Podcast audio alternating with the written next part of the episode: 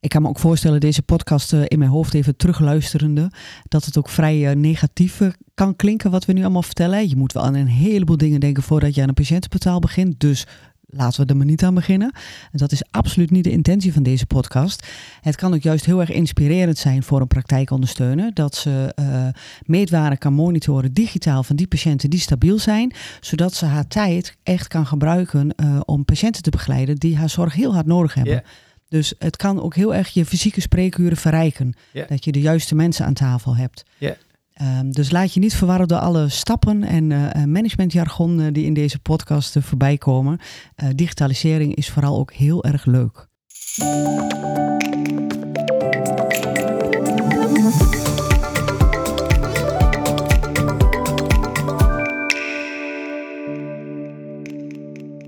Dag, welkom bij deze tweede podcast namens Twins. Vandaag gaan Marten en ik het hebben over de implementatie van technologie. Marten, hallo. Goede, mm, goede dag eigenlijk. Ik denk dat dat het beste benaming is. Ja, daar, zit, ze... daar zitten we weer. Ja, ja. ja, tweede podcast alweer. Ja. De eerste is best goed geluisterd. Ja. Uh, ruim 50 mensen. Ik hoop dat we met deze tweede podcast toch iets meer luisteraars krijgen. Maar of dat gaat lukken, dat weet ik eigenlijk niet. Want ik maak me wel een beetje zorgen over de inhoud van deze podcast. Ja, ja, ja. ja. Implementatie is nou uh, best wel een complex onderwerp eigenlijk. Taai.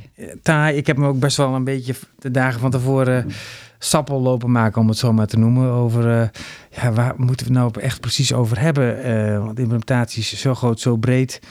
Je kunt heel hoog over gaan praten, maar ik denk dat we daar niet heel veel mee opschieten. Maar, uh, maar goed, dat wat we uiteindelijk neer hebben gelegd, ja, ik, ik denk dat dat wel aan gaat spreken. Implementeren moet je gewoon doen, hè? Dat ja. is het eigenlijk. Ja, ja ik denk dat learning by doing, dat dat eigenlijk de beste, de beste weg is. Ja, en, en helaas um, zijn er gewoon een aantal stappen die je moet nemen. Want, want uh, je kunt het niet gewoon maar doen. Je moet wel een beetje gestructureerd iets gaan neerzetten. Jawel, jawel. Wil je het een, uh, een goede kans voor slagen geven, is dat wel heel handig, ja. Ja, want uh, ja, we weten denk ik allemaal wel um, dat ICT ook wel een hele grote risicofactor in zich heeft. Um, die vooral heel veel geld kost en altijd mislukt en nooit de doelen behaalt. En eigenlijk willen we dat proberen te voorkomen door nou ja, wat handreikingen te doen. Van doe het nu op deze manier iets gestructureerder. Dan is de kans van slagen nou, iets groter. Ja, nou ja, om het wat groter te trekken. De huisartsgeneeskunde heeft ook met het uh, een professionaliseringsslag gemaakt met de, alle standaarden die er nu liggen. Standaarden zijn in principe ook een soort ja, ja, uh, leidraden, richtlijnen die, uh, die we ook gebruiken in de praktijk. En bij dit soort processen is dat eigenlijk ook gewoon heel handig om dat te doen. Ja, dus wij geven uh, ook gewoon een richtlijn over hoe je digitale zorg implementeert in de praktijk. Nou, zo zou je het kunnen noemen, nou, ja. Kijk eens aan, zijn we alweer een heel eind, ja. Maarten. Ik had nog een mooie uh, metafoor bedacht, want de implementatie is best wel uh, ja, managementjargon of, of heeft een hoge abstractiegehalte. Hè. Wat is dan nu implementatie? Zeker. Het is in ieder geval iets meer dan uh, tekenen bij het kruisje en doe maar zeggen tegen de um, ICT-leverancier. En als ik mijn metafoor um, even mag gebruiken, uh, uh, uh, Marten, ik denk dat, het, dat ik het daarmee wel duidelijk maak. Ik zat namelijk na te denken over een stofzuiger in huis. En iedereen heeft wel een stofzuiger en het doel daarvan is de woning schoonhouden. Of specifieker nog de vloer van de woning schoonhouden. -hmm. En iedereen uh, heeft wel duidelijk dat het doel niet gehaald wordt. Die, die vloer wordt niet schoon als je een stofzuiger koopt en hem in, in de doos laat zitten en uh, in de hoek laat staan van de kamer. Nee, nee. En sterker nog, als je na het kopen die stofzuiger wel uit de doos haalt en de stekker in de stopcontact doet, haal je nog niet je doel. Je moet daarvoor echt de slang van de stofzuiger in de hand nemen, de hele woning doorgaan en veegbewegingen maken. En dan moet je hem ook nog aanzetten, want anders gaat het ook niet goed. En zelfs dan ben je er nog niet, want om je doel te behalen en om de vloer schoon te houden, moet je het periodiek herhalen. En misschien moet je zelfs wel afspreken dat jij dat niet in je eentje doet, maar dat de rest van het gezin ook nog eens een keertje meehelpt. Dat zou helemaal mooi zijn. Wel hè? Ja, zeker. ja, dat dacht ik. en dan moet je er ook nog over nadenken wat je gaat doen als er niet alleen maar stof op de grond ligt, maar er is een fles water gevallen. Want als je niet wil dat je weer naar de winkel moet voor een nieuwe stofzuiger, dan moet je een dweil pakken en niet de stofzuigen. Nou, eigenlijk al met al hele logische stappen. Die doen we allemaal. En dit is eigenlijk de implementatie van hoe hou ik mijn huis schoon met behulp van een stofzuiger. Die stappen moet je ook zetten bij het implementeren van technologie of digitale oplossingen in de huisartsenpraktijk. In deze podcast bespreken we die stappen allemaal één voor één en we hopen daarmee een handvat te bieden voor de implementatie. Als voorbeeld voor deze stappen gebruiken we eh, de implementatie van een patiëntenportaal. Iets waar veel huisartsenpraktijken uh, gestimuleerd door het programma Open mee gestart zijn. Voorafgaand aan de implementatie van technologie um, ben je aan het zoeken naar een oplossing voor een probleem. En eigenlijk is die oplossing is je doel. Uh, en als we nou kijken naar een patiëntenportaal, Maarten, welke doelen zou je daar allemaal voor kunnen bedenken? Nou, ik kan meerdere doelen bedenken. Uh, bijvoorbeeld een stuk kwaliteitsverbetering. Um, je zou ook de patiënttevredenheid als doel kunnen gebruiken. Um, maar ook bijvoorbeeld een veilige communicatie tussen de, de praktijk en de patiënt. Nog weer een ander doel is bijvoorbeeld als je wilt gaan voor minder fysieke consulten. en een beetje wat een overlap heeft met het doel is bijvoorbeeld je werkdruk verminderen. Allemaal verschillende doelen, uh, sommige met wat overlap. Maar je zou ze allemaal kunnen gebruiken uh, voor de implementatie van digitaliseringsoplossingen. Ja, dus eigenlijk zeg je, we hebben een patiëntenportaal en dat patiëntenportaal heeft zoveel functionaliteiten dat er verschillende uh, doelen zijn. Dus, dus niet elke praktijk hoeft een patiëntenportaal te implementeren voor hetzelfde doel.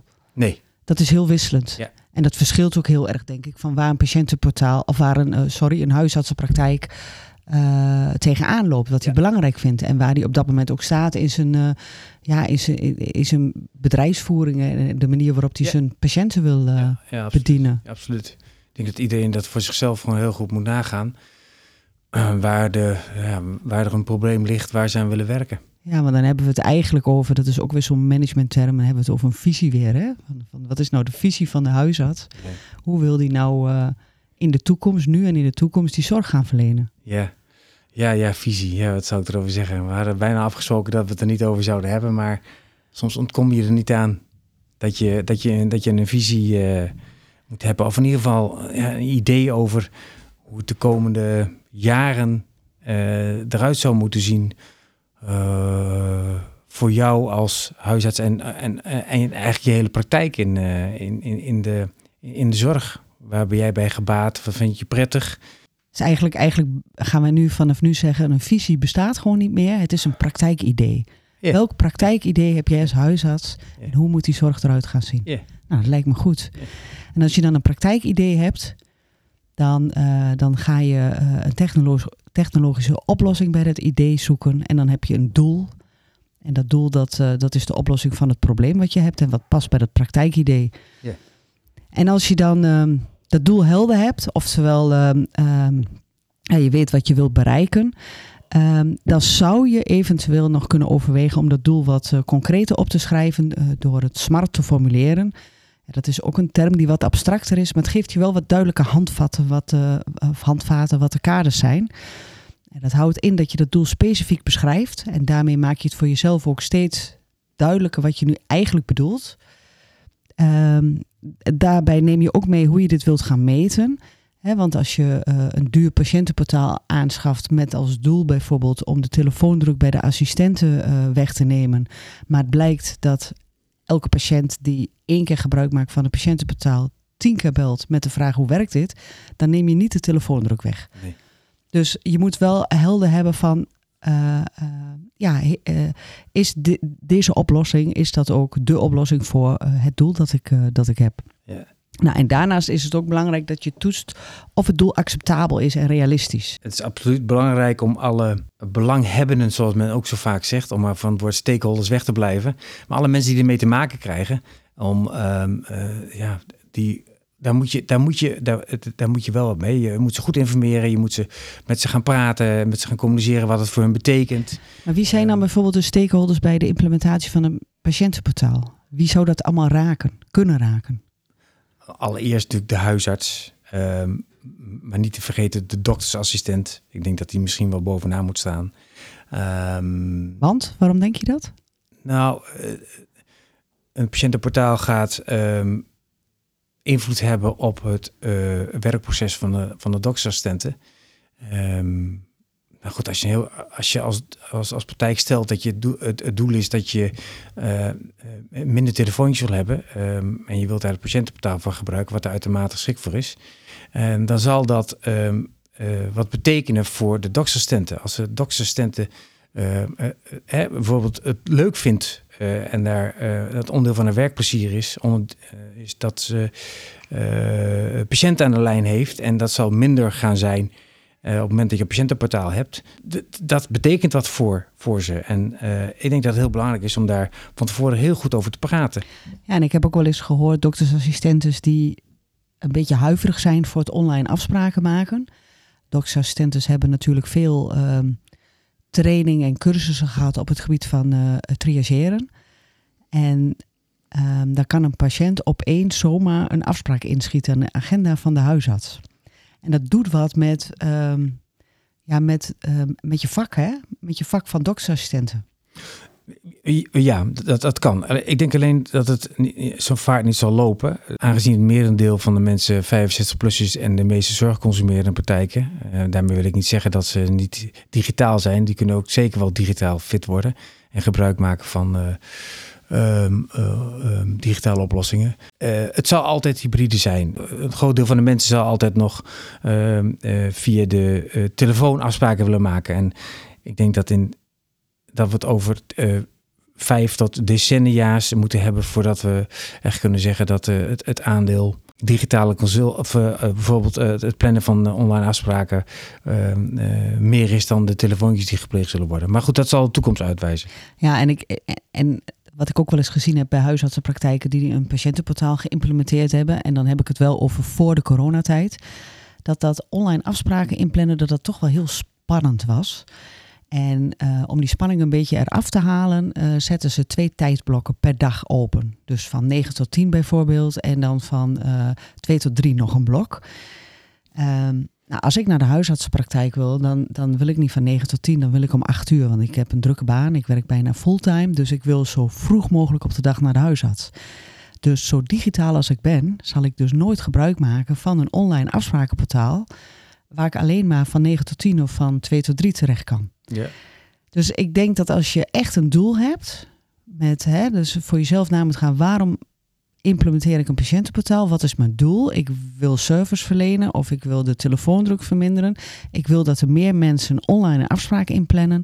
Dan moet je dat ook gewoon opengooien de hele dag. Hoe zie jij dat? Je bedoelt het, dat, dat, je, dat zo'n uurtje uh, waarschijnlijk weinig effect zou hebben op de implementatie van, uh, van ja. zo'n portaal. Ja, want daarmee uh, zijn er ook mensen die uh, precies dat tijdstip niet schikt en dan toch nog gaan bellen. En uh, het risico dat je dan de verkeerde conclusie trekt dat ik bel omdat ik geen online patiëntenportaal wil. Ook en ik denk dat een uurtje vrij snel vol zit.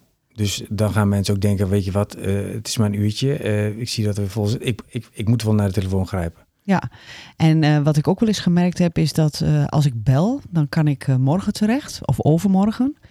En als ik inlog in, het, in een online patiëntenportaal, dan kan ik pas over drie of vier dagen terecht. Ja, ja dus dan ga ik, dat doe ik twee keer, ga ik daarnaar kijken. Ja. En de derde keer denk ik van ja, maar ik wil echt eerder dan over drie dagen, dus ja. ik, ik, ga bellen. Ja. Dus als je uh, uh, een doel hebt en je wilt iets bereiken, dan moet je daar ook voor gaan met elkaar en dan moet je dat ook volledig gaan implementeren. Nou ja, en wat jij ook mooi zegt, is dat je ook gewoon goed moet nadenken over als je het daadwerkelijk gaat invoeren. Um, en, en je, je, wilt het een kans van slagen absoluut gaan geven. Um, dan moet je ook echt wel goed nadenken over de, de, de uitvoering, bijvoorbeeld heel, heel praktisch in de agenda daarvan. Um, ja, want dat heb je met uh, ja, want dat heb je bijvoorbeeld met e-consulten. Ik merk dat, uh, dat er wel steeds meer patiënten een e-consult naar de huisarts sturen. Maar omdat dat nog niet echt volledig, uh, zeg maar, het huidige proces Hè, dus dus uh, fysieke afspraken of telefonische consulten of visites. Dat is een beetje het oude proces zoals het werkt in de huisartspraktijk. En dan komt een nieuw proces bij, het maken uh, van een e-consult. Um, dat is nog niet volledig ingebed in dat huidige proces. Dat, dat, dat komt er een beetje bij. Dus dat betekent uh, dat de hoeveelheden e-consulten nog niet voldoende zijn om echt blokken in je agenda daarvoor in te plannen. Nee, je doet ze nu tussendoor. Dus het voelt nu ook echt als extra werk, ja. terwijl het ja. eigenlijk je gewone werk is. Ja. Digitale zorg is ook zorg. En ja, dat, dan hangt dan ook weer af van hè, hoeveel mensen gaan er gebruik van maken. En als er maar genoeg zijn, dan kun je uiteindelijk ook blokken inplannen om je e-consulten te beantwoorden. Ja, maar heb je daar zelf niet invloed op? Als jij een doel voor ogen hebt en jij wilt iets bereiken, ehm, dan moet je daar zelf ook proactief patiënten bij meenemen. Hoe wil jij zorg verlenen? Voor welke um, type diagnoses vind jij zelf uh, dat een e-consult geschikt is? En als een patiënt dan op het spreken komt, um, zou je ook kunnen zeggen uh, van goh, heeft u een patiëntenportaal? Zou u dat willen? Want deze vraag zou prima in een e-consult kunnen. Kunt u s'avonds de vraag stellen? Heeft u de volgende dag een antwoord? Hoeft u niet naar de praktijk te komen? Um, je hebt daar zelf heel duidelijk een rol in als huisarts, als praktijkhouder, als ondernemer eigenlijk. Ja, ja, en vooral in dat je, je al je uh, medewerkers, ondersteunende personeel meeneemt in de, uh, ja, in de, in de in implementatie en ook de voortzetting van de implementatie eigenlijk. Ja, en dan komen we eigenlijk uh, al een beetje bij de communicatie. Want als je dat nieuwe werkproces helder hebt en je weet hoe je bijvoorbeeld dit patiëntenportaal in wil zetten, dan zul je daar iedereen over moeten informeren. Nou, we hebben uh, de stakeholders al uh, besproken, dus je weet wie er uh, betrokken is en wie er te maken krijgt met het patiëntenportaal. Um, en bij die stakeholders horen uiteraard ook patiënten en mantelzorgers. Um, nou, en er zijn verschillende communicatiekanalen in de huisartsenpraktijk. En eentje ervan heb ik net al genoemd, hè, dat, je als huisarts daar een hele belangrijke rol in hebt in het spreekuur. Um, maar er zijn nog meer communicatiekanalen die je zou kunnen gebruiken. Um, wat ik zie in praktijken um, is dat je uh, het op meer, meerdere manieren kan uh, vertellen, communiceren uh, naar buiten toe. Ik heb bijvoorbeeld in de praktijk waar ik werk een, blaadjes naast mijn computer liggen waarop een folder van het patiëntenportaal en uh, blaadjes over uh, waarop staat hoe je het patiëntenportaal moet uh, installeren op je telefoon of op je, of op je computer. Een korte handleiding, zeg maar. Ja, ja, ja, ja. ja. En ehm, ja, die deel ik zeer regelmatig uit aan de mensen die tegenover me zitten, waarvan ik merk dat ze nog niet een, een portaal hebben. Ehm, dus in spreekuur kun je het heel vaak vertellen. Ehm, uh, als mensen uh, uh, bellen voor, of ik moet ze bellen voor bloeduitslagen, dan vertel ik ook vaak aan de telefoon dat het ook op een andere manier kan. Dat ze ook een, een, een labuitslagen kunnen bekijken in het, in het, in het patiëntenportaal. In het ja. patiëntenportaal, ja. En, en vertellen de assistenten dat ook? ja, er zitten ook de assistenten hebben die, hebben die zeg foldertjes ter herinnering liggen bij de telefoon, zodat ze dat regelmatig aan patiënten kunnen vertellen. Uh, je kunt wachtkamers in de, in de wachtkamer kun je folders leggen. Op je, op je wachtkamerscherm kun je het ook vermelden hè, dat het is. Uh, er wordt ook uh, veel naar gekeken, vaker dan, dan vroeger. Ik weet niet waarom, maar dat is zo, merk ik. je zou het in, in een nieuwsbrief kunnen zetten. Ehm, ook op, het, ook op het, bandje, zoals we dat ouderwets toch noemen. ik heb nooit meer een bandje gezien in de praktijk, maar we noemen nog steeds een bandje. Maar iedereen weet wel wat ik bedoel.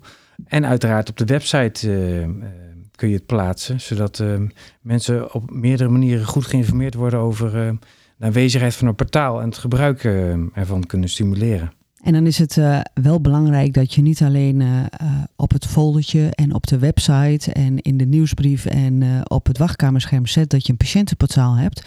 Want dat is dan weer voor patiënten te abstract. Dan moet je gaan uitleggen wat dat patiëntenportaal dan is, wat je daarmee kunt. En dan komt de invloed van jou als praktijkhouder. Wat jij belangrijk vindt dat patiënten daarmee gaan doen. Dus welke uh, vragen zijn nu geschikt voor een e-consult? Welke vragen zijn geschikt voor een online afspraak? Uh, en daar, dat heb je dan echt ook als ondernemer eigenlijk in de hand. Dus je moet heel goed nadenken welke boodschap wil ik overbrengen aan patiënten en hoe wil ik dat dat patiëntenportaal in mijn praktijk wordt ingezet. Ja. Dat kun je niet landelijk uh, gaan bepalen. Dat bepaal je echt als praktijkhouder. En dat is denk ik het leukste uh, stukje ervan. Want je kunt dan die digitale zorg helemaal inregelen op een manier die past bij jouw praktijk, bij jouw praktijkpopulatie. Ja. ja. Ik wil eigenlijk nog even terugkomen uh, op, op de mensen die erbij betrokken zijn. Ik denk uiteindelijk en ga ik alweer een klein stapje verder, dat als we uh, straks ook allemaal meetwaarden, uh, of als patiënten meetwaarden kunnen gaan insturen, dat dat natuurlijk ook um, invloed heeft op, op de, de werkwijze van bijvoorbeeld de, de POH's. Ehm, want je kunt je voorstellen dat er wat minder telefoontjes misschien naar patiënten moeten naar aanleiding van de meetwaarde. Ehm, en wat ik eigenlijk wil zeggen is dat je daar ook wel even bij stil moet staan wat voor een effect het ook heeft op de werkwijze van alle mensen die in de praktijk werken. Ik denk dat het heel goed is om ook zo een, een draagvlak te, te creëren voor, ja, voor, voor, innovaties die er nu zijn en niet minder zullen gaan komen, om het maar even zacht te zeggen. Ja, want wat, um, ik kan me ook voorstellen, deze podcast uh, in mijn hoofd even terugluisterende, dat het ook vrij negatief kan klinken wat we nu allemaal vertellen. Je moet wel aan een heleboel dingen denken voordat je aan een patiëntenportaal begint. Dus laten we er maar niet aan beginnen. En dat is absoluut niet de intentie van deze podcast. Het kan ook juist heel erg inspirerend zijn voor een praktijkondersteuner. Dat ze meetwaren kan monitoren digitaal van die patiënten die stabiel zijn. Zodat ze haar tijd echt kan gebruiken om patiënten te begeleiden die haar zorg heel hard nodig hebben. Dus het kan ook heel erg je fysieke spreekuren verrijken. Dat je de juiste mensen aan tafel hebt. Um, dus laat je niet verwarren door alle stappen en uh, managementjargon uh, die in deze podcast uh, voorbij komen. digitalisering is vooral ook heel erg leuk. Ja, en ik denk ook dat digitalisering, en dat is het portaal ook weer een voorbeeld van, um, dat het een, een, mooi middel is om uiteindelijk ook de juiste zorg op de juiste plek te geven. Hè? Dus dat de, de mensen die de zorg um, toch net wat meer nodig hebben, ook die zorg meer kunnen gaan krijgen. Uh, wat niet onbelangrijk is. Zeker niet onbelangrijk. Bedankt voor het luisteren. We hopen dat jullie veel gehad hebben aan de tips en de innovaties goed kunnen gaan inzetten in de praktijk. De volgende podcast gaat over digitale veiligheid. We zullen daarbij ingaan op de pilot social engineering. De zwakste schakel in de keten is immers de mens. Te gast zijn dan Roelof Welling, huisarts in Nijverdal en lid van de adviesgroep Twins. En Henk van E, docent en onderzoeker security management aan Saxion.